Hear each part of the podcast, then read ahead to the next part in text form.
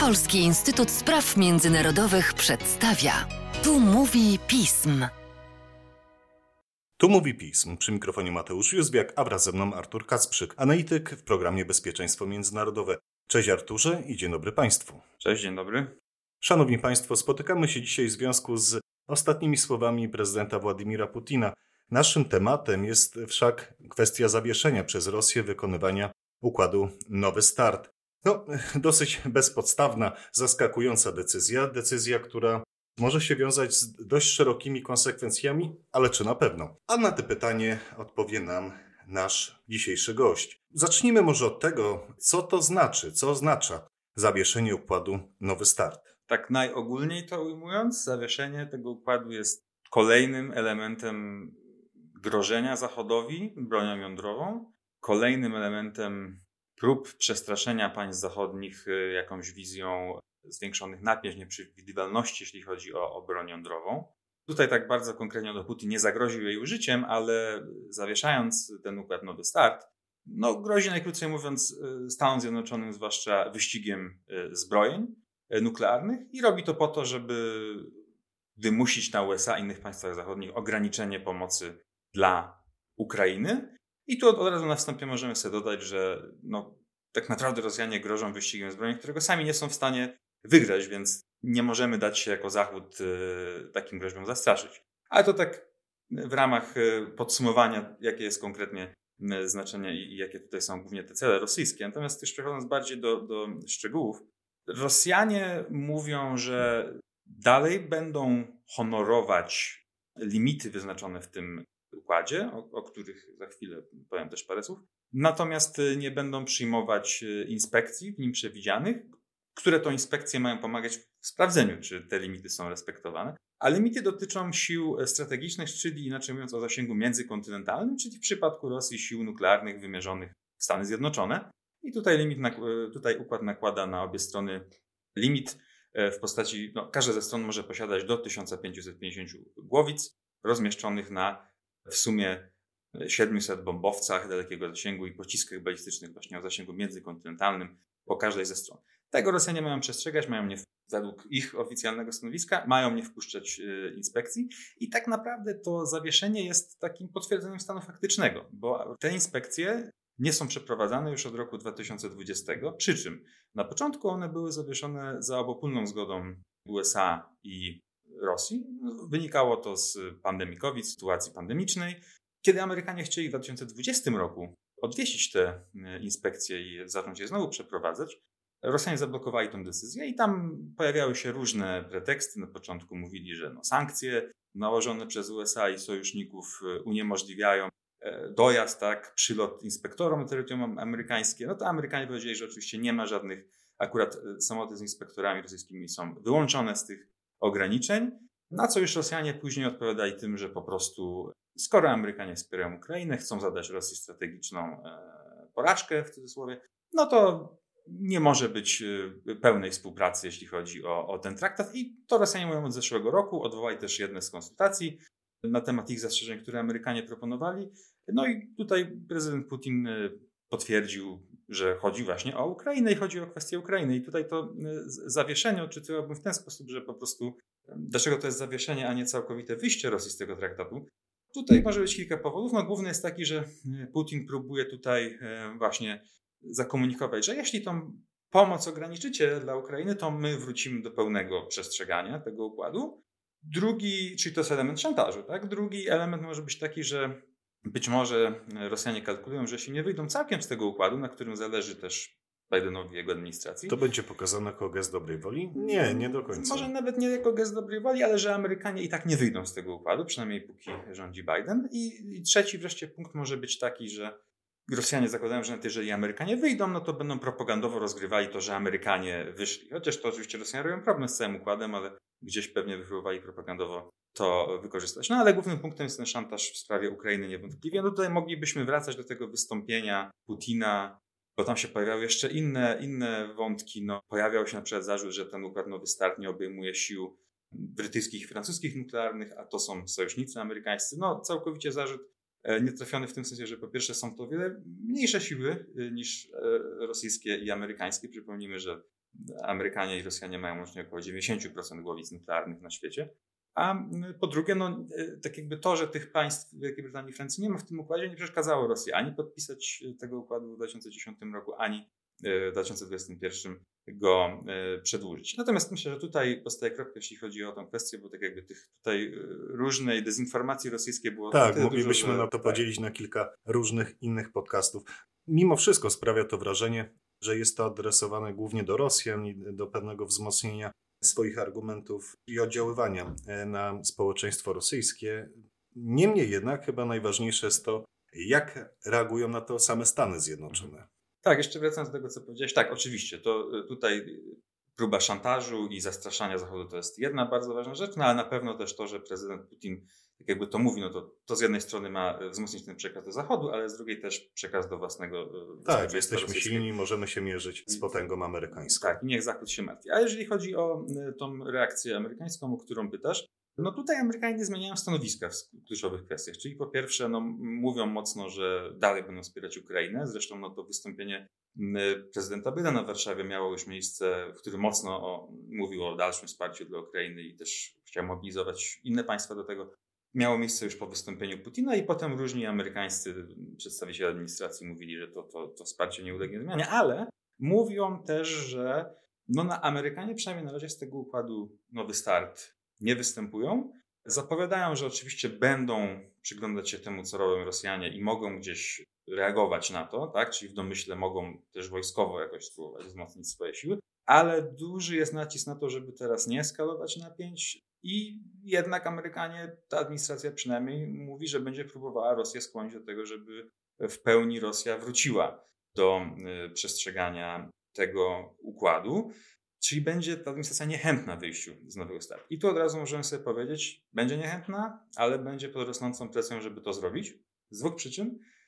Po pierwsze, no coraz ciężej będzie Amerykanom weryfikować, czy faktycznie Rosjanie tych ograniczeń przestrzegają, czy nie przestrzegają, czy czasem nie zwiększają tych sił. Tutaj możemy na chwilę wrócić do stycznia tego roku, kiedy Departament Stanu wydał raport właśnie o rosyjskim podejściu do, do układu Nowy Start, w którym stwierdził, że mm, no właśnie, nie może stwierdzić z pewnością, czy jeśli chodzi o liczbę głowic, czy, czy Rosjanie spełniają postanowienia traktatu, czy nie, no bo Amerykanie nie mogą wysłać inspektorów na miejsce i zbadać wyrywkowo przynajmniej. No tak, to jest pewne wróżenie z fusów. Tak. Ale z drugiej strony, no, jakakolwiek reakcja to woda na młynda rosyjskiej propagandy. To też, natomiast no tutaj moglibyśmy wrócić do inspekcji i powiedzieć, że tak Każda ze stron ma po 18 z nich, normalnie w roku powinna móc przeprowadzić. No i właśnie jedną z form inspekcji jest sprawdzenie na, na jakichś wybranych pociskach, czy ta zadeklarowana liczba łowic się zgadza, czy nie. No i tego Amerykanie nie mogą robić i tutaj no na pewno Rosjanie blokując tę inspekcję nie przestrzegają układu, czy też blokując konsultacje.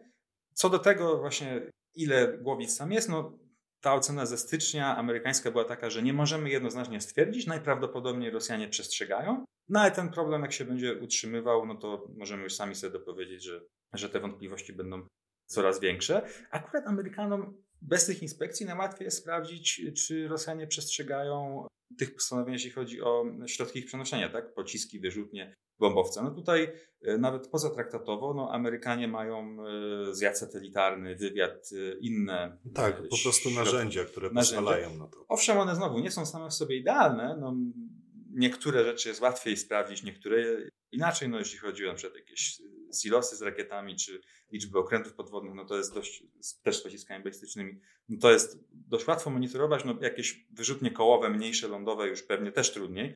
Więc tak jakby ta niepewność co do tego, jaki ten arsenał rosyjski jest i będzie, to, to będzie jeden problem dla Amerykanów. Drugi będzie taki, że no, traktat Nowy Start wcale nie jest taki bardzo popularny w Stanach Zjednoczonych. To znaczy administracja Bidena, owszem, mocno go popiera i Biden, kiedy został prezydentem, no to jedną z pierwszych rzeczy, jaką zrobił, to było przedłużenie funkcjonowania tego układu bezwarunkowo o 5 lat, czyli tyle, ile maksymalnie można było go przedłużyć, bo inaczej by wygasł w lutym 2021 roku, tuż po zaprzysiężeniu Bidena. I tutaj moglibyśmy znowu wyliczać wiele różnych powodów, dlaczego ta administracja uważa, że, że, że takie układy i obniżają napięcia, i powstrzymują wyścigi zbrojeń. Natomiast w tym momencie trzeba sobie dodać, że republikanie od lat byli mocno krytyczni wobec układu e, Nowy Start. Poprzednia administracja, Trumpa, nie chciała go bezwarunkowo przedłużyć.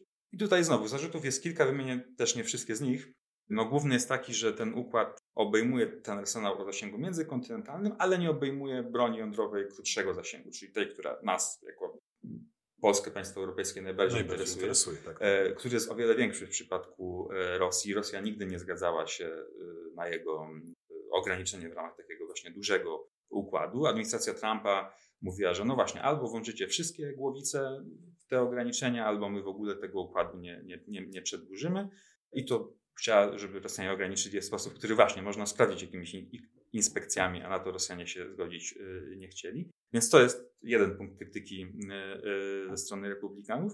Inny jest taki, że no Chiny bardzo mocno rozbudowują swój arsenał jądrowy i pojawiają się głosy, że ze strony republikańskiej, że Amerykanie będą potrzebowali więcej broni jądrowej niż pozwala na to układ START. Więc trochę zamykając ten temat, no Biden będzie niechętny w wystąpieniu, ale będzie pod presją, żeby to, to, to zrobić.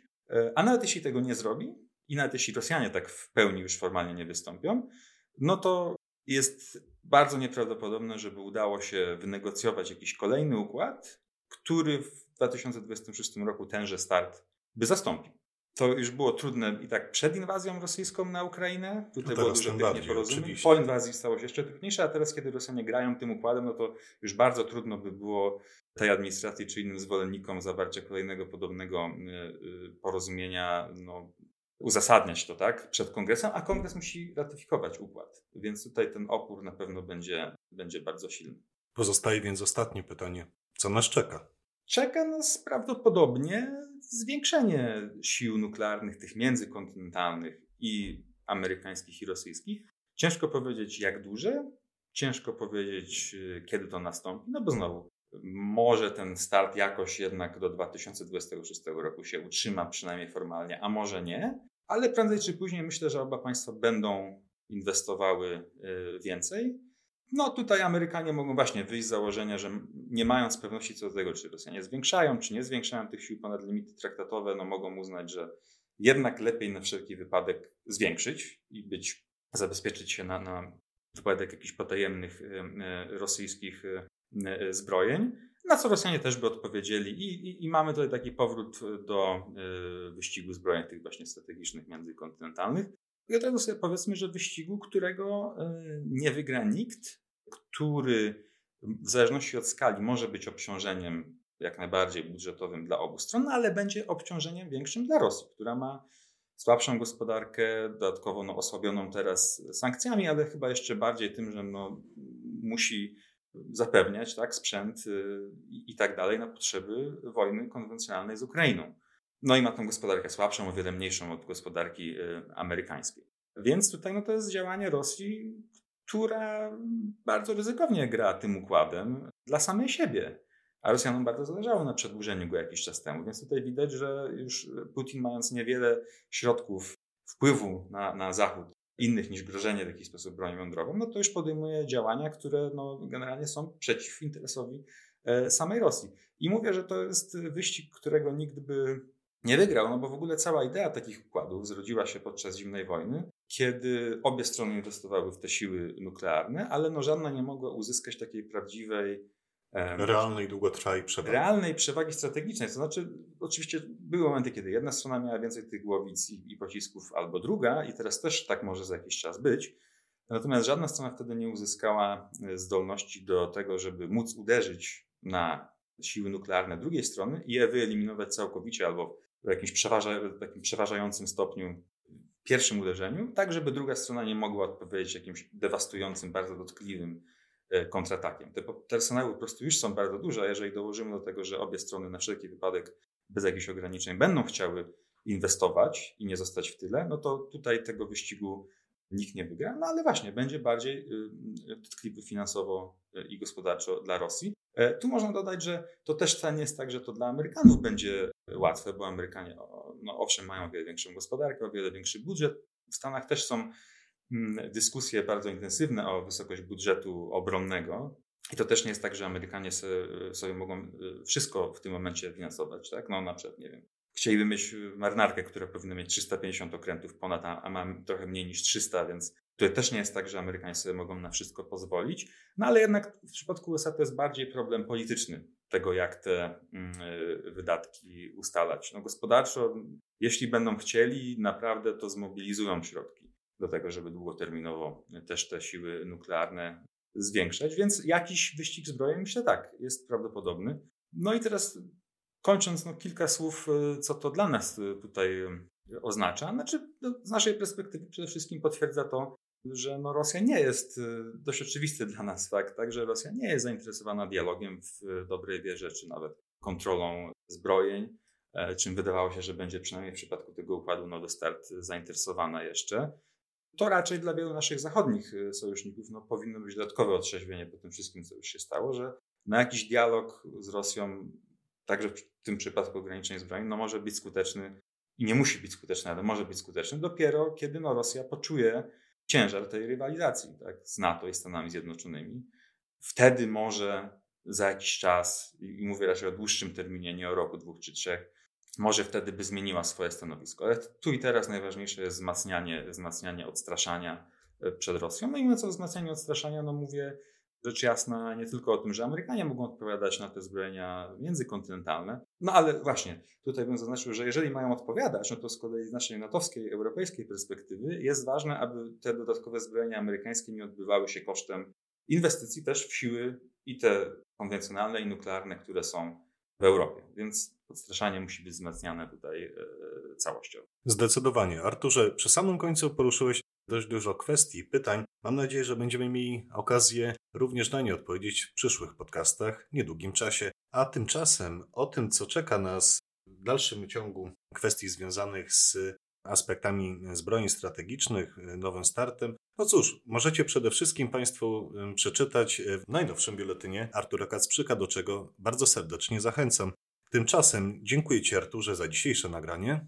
Dziękuję. Państwa zaś zachęcam do śledzenia naszej strony internetowej, czytania najnowszych biuletynów i komentarzy, śledzenia mediów społecznościowych, w tym naszego kanału na YouTubie, a w nim nasz film rocznicowy związany z agresją e, na Ukrainę. Bardzo serdecznie zachęcam i polecam. Dziękuję Państwu za uwagę i do usłyszenia.